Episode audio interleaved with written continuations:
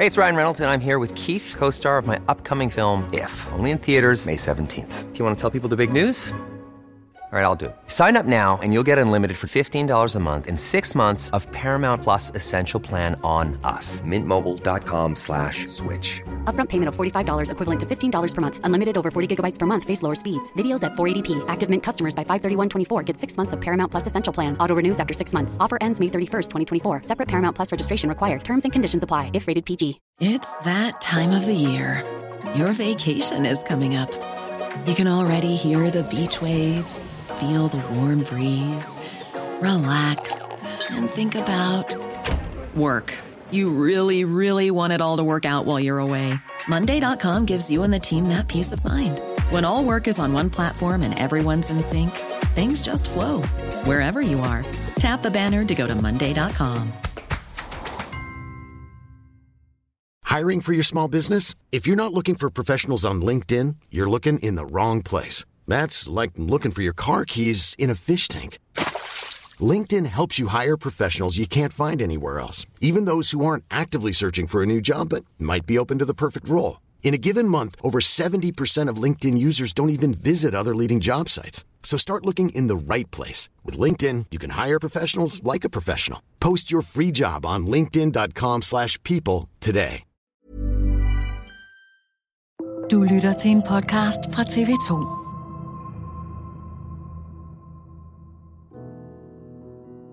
Det har aldrig nogensinde været pengene, der har haft de største konsekvenser. Det var langt mere de sociale øh, konsekvenser, det har betydet. Det at lyve over for sine bedste venner, som man har været venner med, siden at man øh, nærmest har, har gået med blæ, manipuleret dem, det er i virkeligheden det hårdeste, når det går op for en, når man vågner op for det her, og det går op for en, hvor meget man virkelig har, øh, har snydt, og hvor meget man har øh, været en utrolig dårlig ven, og dårlig søn, dårlig kæreste, dårlig lillebror, alle de her ting.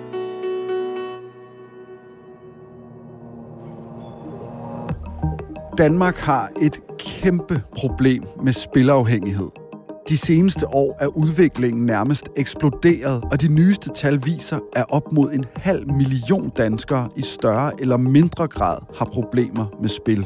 Sidste år, der tabte danskerne 10,1 milliarder kroner i spil. Tallene viser samtidig, at omkring 30.000 har alvorlige problemer, og det er særligt unge mænd, der er udsat. Da det så begyndte at gå derover, hvor jeg fik sådan en, en telefon i hånden, jeg kunne spille fra, så stak det alvorligt af. Dagens gæst fik sit liv smadret af den ødelæggende afhængighed. Nu kæmper han for, at andre skal spares for det mareridt, han selv har gennemlevet. Hvordan ender et ungt menneske som dybt forgældet ludoman? Og hvordan får vi vendt udviklingen her i landet? Du lytter til Dato. Mit navn er Joachim Claus Høj Bindslev.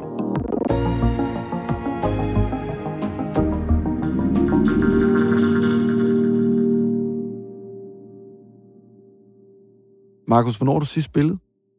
Det er ved at være 1687 dage siden. Du tæller simpelthen? Ja, det gør jeg. Alle dage siden, hvor det lykkedes for mig at, at være spilfri, dem tæller jeg, fordi de betyder noget. Markus Musalski er 23 år. Han er spilfri ludoman, og så har han lige udgivet bogen Ludoman Alt på Spil, som han har skrevet sammen med en anden ung ludoman, Niklas Vincent. I fortæller om jeres liv som ludomaner, men I spiller ikke. Altså, hvorfor er I egentlig ludomaner? Jamen, det er vi, fordi at vi øh, er dybt øh, fascineret og afhængige af at spille, og vi faktisk skal, skal gøre os meget umage for ikke at spille igen. Og det er jo på samme måde som en ædru alkoholiker, måske også vi kalder sig tørlagt alkoholiker, eller ædru alkoholiker, så øh, jeg kalder vi også os selv for spilfri ludomaner, fordi vi har meget respekt for den afhængighed, som, øh, som vi for nu er kommet ud af. Hvornår har du sidst haft trang til at spille, Markus? Det er nok et par måneder siden. For et par måneder siden øh, gik min øh, farmor bort. Det første, min hjerne instinktivt tænker på, når jeg møder modgang, eller når jeg møder ubehagelige oplevelser, det er at spille.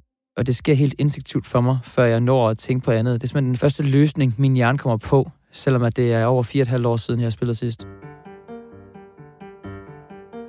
For et års tid siden oplever Markus Musalski også, at han bliver overvældet af trangen til at spille. Han er på vej fra Jylland til Sjælland for at holde et foredrag om ludomani, men han går i panik, da han misser færgen, og så er det ved at gå helt galt. Og der er der en tanke, der slår mig. Måske skulle jeg bare vende om øh, og finde en, en kiosk og spille. Dem derhjemme forventer ikke, at jeg er hjemme før i aften. Jeg har givetvis nogle penge, jeg også godt lige kan, kan trylle frem, som der er ikke nogen, der opdager. Og igen, jeg er på vej til et foredrag, hvor jeg skal fortælle andre unge mennesker om min ludomani. Det bør bestemt ikke være den dag, jeg skulle ramme af det her. Men det er meget sigende, hvordan en, en ludomans øh, hjerne fungerer, hvis der møder lidt modgang. Heldigvis kommer jeg på bedre tanker, og jeg valgte så at tage den lange vej øh, udenom og køre via Fyn. Men det, slog mig. Det er simpelthen det første, min hjerne nogle gange tænker på, hvis at jeg møder noget modgang. Det er, at øh, det her det kan jeg løse ved at forsvinde ind i en anden verden. Det lyder jo helt vildt, når du beskriver det. Ikke? Du er på vej over for at fortælle andre, hvordan de undgår at blive ludomaner. Og så fordi, at du misser en færge, og slet ikke kan overskue situationen, så er du ligesom ved at flygte ind i lige det, du skal over advare imod. Altså, det lyder jo helt nuts. Det, det er fuldstændig sindssygt. Det eneste, jeg er glad for ved den historie, det er, at jeg efterfølgende har kunnet bruge den historie til at fortælle om, hvor, hvor sygelig og hvor, hvor snigende og hvor overrumlende og hvor magtfuld ludomanien er. Hvad er det bedste minde, du har ved at spille? Jeg er hjemme ved min daværende kæreste. Det er en, øh, en hverdagsaften, eller nat er det jo så egentlig blevet. Og jeg vågner øh, midt om natten og får øh, instinktivt trængt til at spille. Det gjorde jeg oftest i den periode. Både det at vågne, men også at få trængt til at spille, når jeg vågnede. Og jeg finder så ud af via telefonen, at der er nogle, der er nogle tenniskampe i gang i USA. Så listede jeg mig simpelthen ud i stuen, tændt for tv'et, hvor at, øh, den her tenniskamp var i gang. Og der endte med, at jeg sætter 5.000 kroner på noget, der giver pengene otte gange igen. Og den gik så også hjem. Det var jo så 40.000, jeg fik udbetalt. Øh, det var på daværende tidspunkt for en dreng, der gik i, i 2G på gymnasiet og var på SU. Øh, sindssygt mange penge. Altså, hvad går der igennem dig, da det der super odds, det, det går hjem? Mm. Jamen, eufori.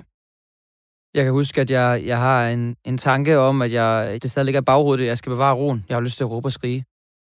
Den er faktisk med, at jeg får bildt mig selv ind, at jeg er nødt til at gå udenfor. Hvis nu, at jeg skulle komme til at, at få trængt til at, at juble over det her resultat. Så jeg, jeg spacerer faktisk en lille tur, indtil jeg finder ud af, at det, det, det giver slet ikke nogen mening. Så vender jeg tilbage igen og falder faktisk i søvn med den her rare fornemmelse af at have vundet så mange penge. Desværre for, for historien, eller meget sigende for historien, kan man så sige, at øh, de her 40.000, dem tabte jeg igen dagen efter.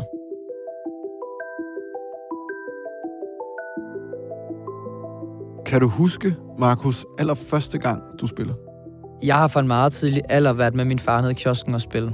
Der fik jeg sådan gradvist mere og mere medbestemmelse over, hvor de her krydser skulle sættes, ikke? Men øh, jeg vil alligevel fremhæve en anden historie. Det er første gang, at jeg får lov til at spille online, altså på min telefon. Og det er den øh, 14. februar 2016. Jeg kan huske det ret tydeligt. Valentinsdag. jeg blev smash forelsket i spillet, øh, skal jeg lige love for. Jeg havde en kammerat, som havde fået en konto, og jeg så, hvor smart det var. Jeg kan huske, at selv samme dag får jeg overtalt min far til, at jeg skal også være med på hans øh, online-konto, som han ellers ikke brugte så tit. Og det fik jeg så lov til. Så vinder vi rent faktisk ret mange penge sådan i fællesskab. Jeg husker, som vi ikke satte så mange penge, måske 10 kroner, 20 kroner, eller den der endnu mindre beløb. Men vandt alligevel på 100 kroner i løbet af dagen. Og da min far så går i seng, kan han godt fornemme, at øh, hans knægt der synes, det, her, det er rigtig spændende. Så han får ligesom sagt til mig sådan lidt mellem linjerne, og også ret direkte, at, at nu går vi altså i seng. Og det gjorde han også. Det gjorde jeg ikke. Jeg fortsatte med at spille, og det ender med, at i løbet af natten finder jeg noget argentinsk fodbold, et eller andet lang division langt nede. Og det ender med, at jeg får formøblet alle de penge, vi egentlig har vundet i fællesskab via min uh, telefon her. Hvor gammel er du her? Der er jeg 15 år gammel. Har du talt med din far om den dag der? Ja, det har jeg. Mine forældre er i øvrigt øh, på mange måder jo, jo, jo kede af det. Jeg tror slet ikke, de var klar over, øh, hvor store konsekvenser spil kunne få. Jeg tror, de var klar over, at man kunne tage penge, men jeg tror ikke, de var klar over, at det var sådan en voldsom afhængighed, man kunne blive bidt af, og slet ikke i den alder. De har selvfølgelig været ramt af det efterfølgende. Jeg vil samtidig også sige, selvom jeg har været en ung knægt, så er mit misbrug mit eget ansvar. Og jeg er med at have haft mange chancer og muligheder efterfølgende, især med mine forældres hjælp, til at komme ud af det her, hvor at, øh, at jeg har valgt en anden vej. Hvornår begynder det så at sådan, tage fart for alvor med, at du spiller?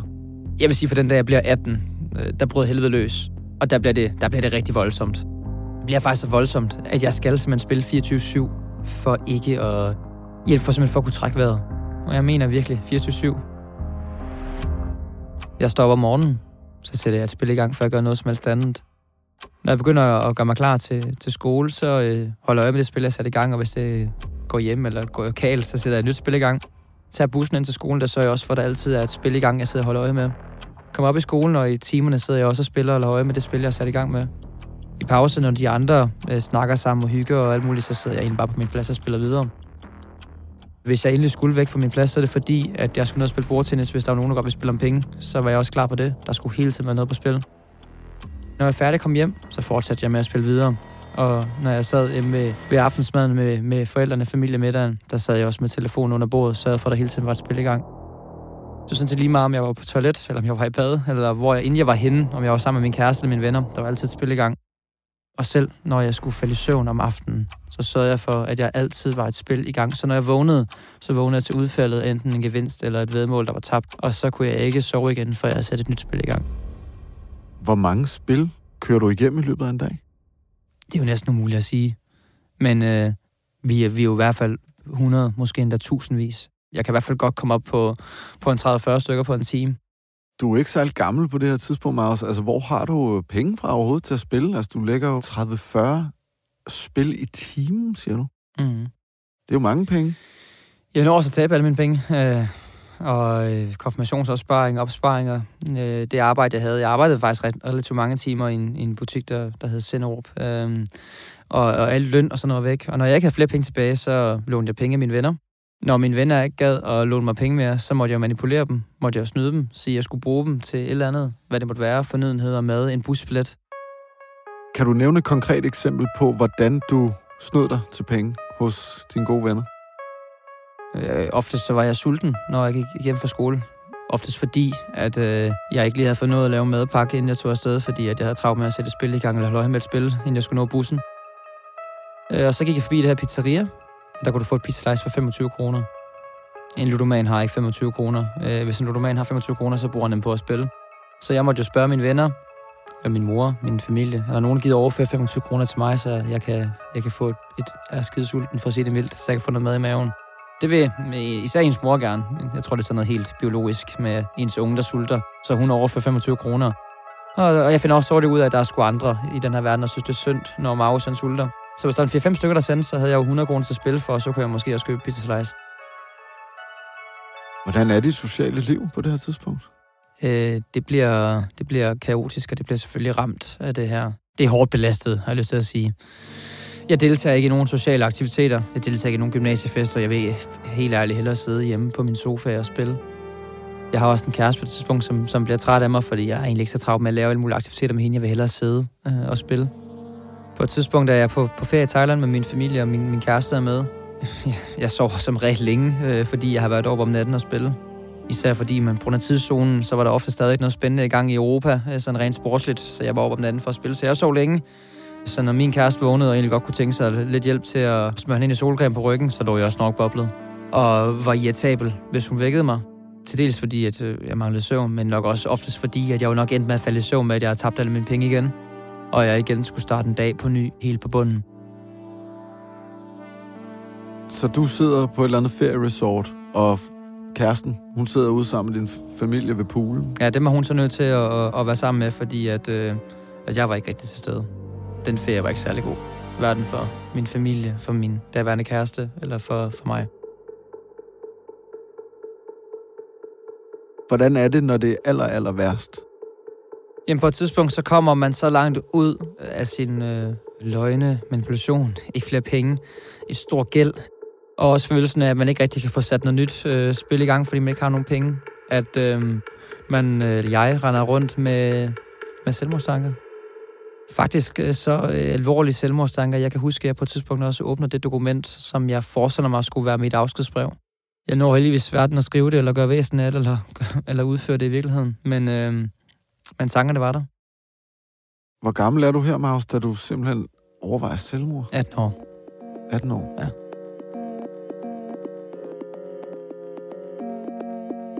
På trods af selvmordstanker, så har Markus Musalski på det her tidspunkt endnu ikke erkendt, at han er ludoman. Jeg ved godt, at, at, at sådan, den er ikke helt god. Og jeg tror, jeg undskylder mig selv med, at jeg er i en dårlig periode. Øh, og spørgsmålet om tid for at vinde nogle penge tilbage igen. Og så er alt jo godt igen. Så kan jeg betale kreditorer og så videre ud igen, så er alt jo, så er alt jo fint. Men faktisk slår det mig aldrig, at jeg er ludoman. Og hvis der er nogen, der spurgte, om jeg er ludoman, så sagde jeg, nej, jeg er ikke ludoman, jeg er gambler. Og hvad forskellen så er på det, det ved jeg ikke. Hvornår vender det så for dig? Altså, hvornår kommer du derhen, hvor du ikke ender med at spille længere? Til en start er det min mor, som, som synes, det er en rigtig god idé at opsøge behandling og søge hjælp. Jeg forstår ikke rigtig, hvorfor. Øh, som jeg er jo bare i en dårlig periode, siger jeg til mig selv. Men min mor får ligesom arrangeret nogle møder med, med det, der ender med at blive min kommende behandler. Og jeg kan huske, at jeg spiller på lidløs, lige indtil jeg går ind til det møde. Jeg sidder i bilen på vej øh, til Aarhus på det tidspunkt, og så spiller, mens min mor egentlig kører mig på vej til behandling. Øhm, og jeg møder jo så Henrik, min behandler herinde. Og fra da jeg går fra det lokale den dag, så har jeg simpelthen bare ikke spillet siden. Men jeg havde en, en helt klar forestilling om, at så snart jeg kom ud af det her lokale igen, så skulle jeg da spille igen. Det var kun for at gøre min mor glad. Men han fik åbenbart øh, sat øh, nogle andre tanker ind i mig. Hvad er det, han siger? Jeg tror faktisk ikke så meget, det han siger. Jeg tror mere, det er den måde, han er på. Han er enormt forstående. Han er genklagende. Han er det første menneske, jeg møder, hvor jeg snakker omkring mine problemer, der ikke bliver sur på mig, der ikke reagerer med, jeg er for dum, eller har du spillet alle dine penge op, eller jeg bliver ikke slået i hovedet. Han er næsten for rolig, føler jeg, fordi at, øh, hører du ikke, hvad jeg siger? Øh, jeg har render rundt med selvmordstanker, jeg spiller mine penge op, jeg har kæmpe problemer. Helt roligt siger han bare, at, øh, at jeg er ludoman, og han kan hjælpe mig. Og det gjorde han så. Markus Musalski begynder i misbrugsbehandling for ludomani. Han møder op hver mandag og torsdag i næsten et halvt år, og samtalerne med Henrik gør det langsomt lettere at slippe spillet. Øh, han har jo reddet mit liv, så, øh, så ham skylder jeg bestemt øh, alt. Markus Musalski har regnet sammen, at han samlet har tabt omkring 122.000 kroner.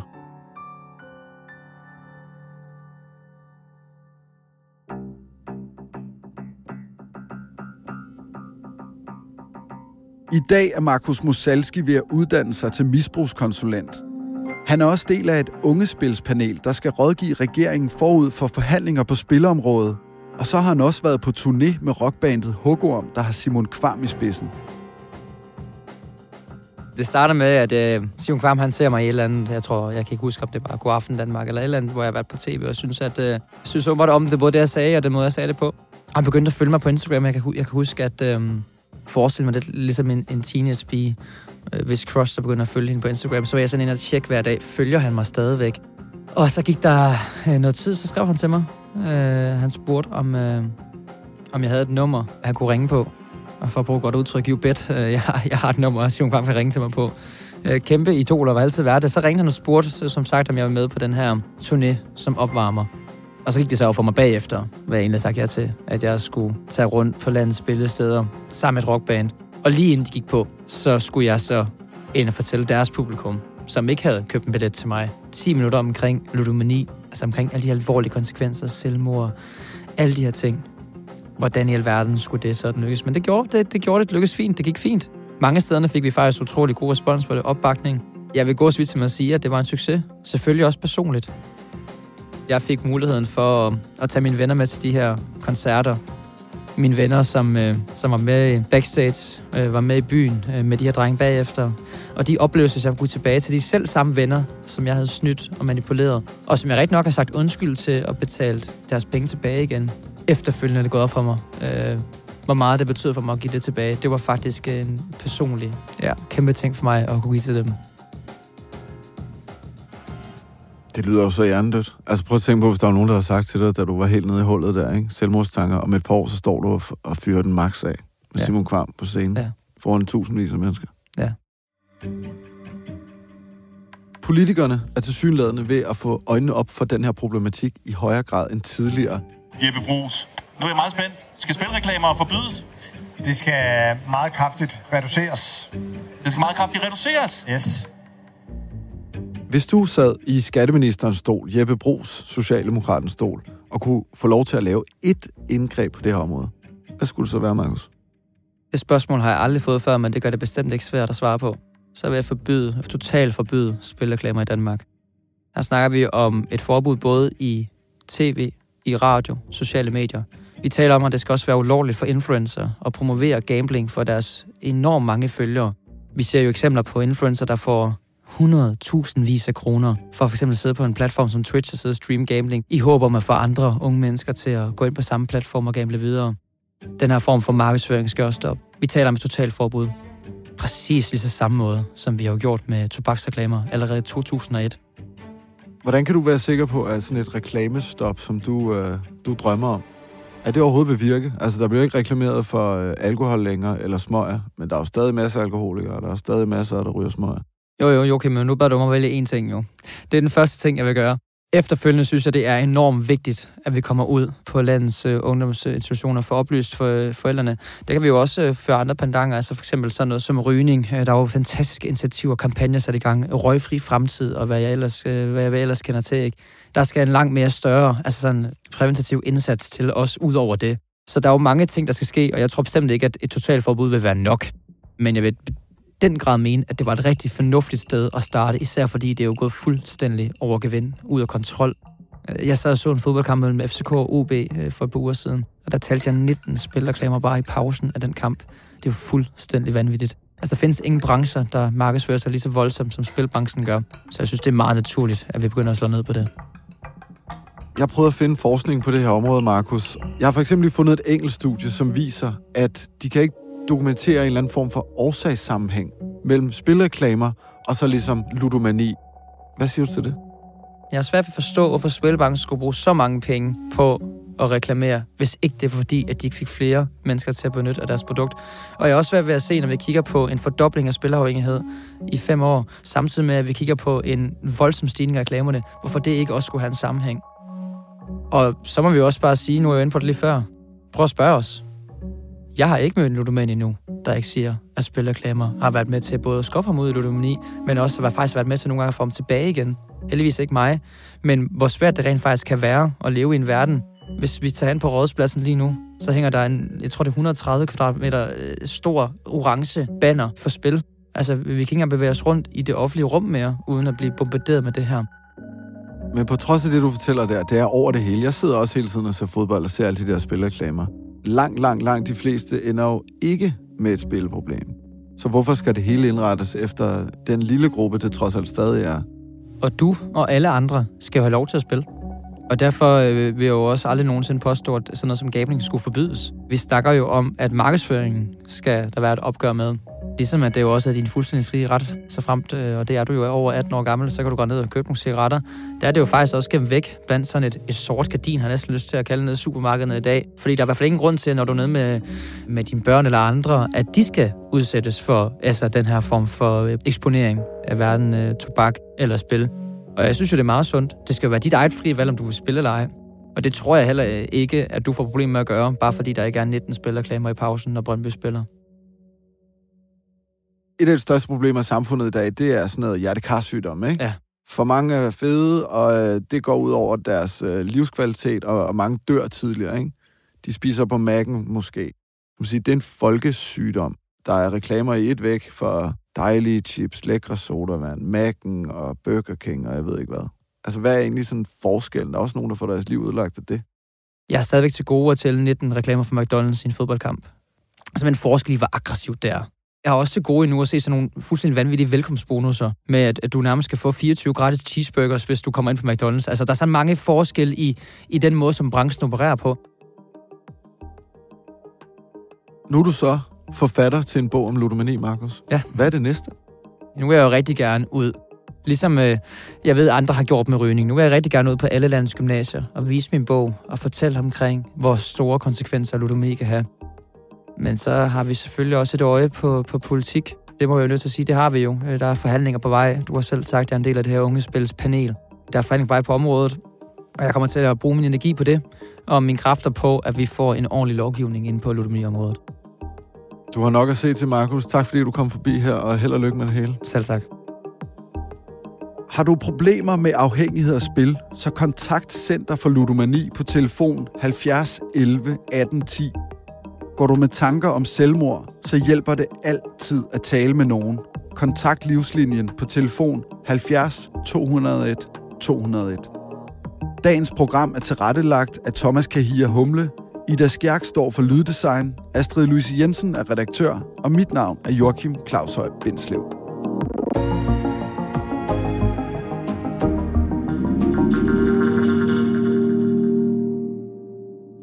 Lyttet til en podcast fra TV2.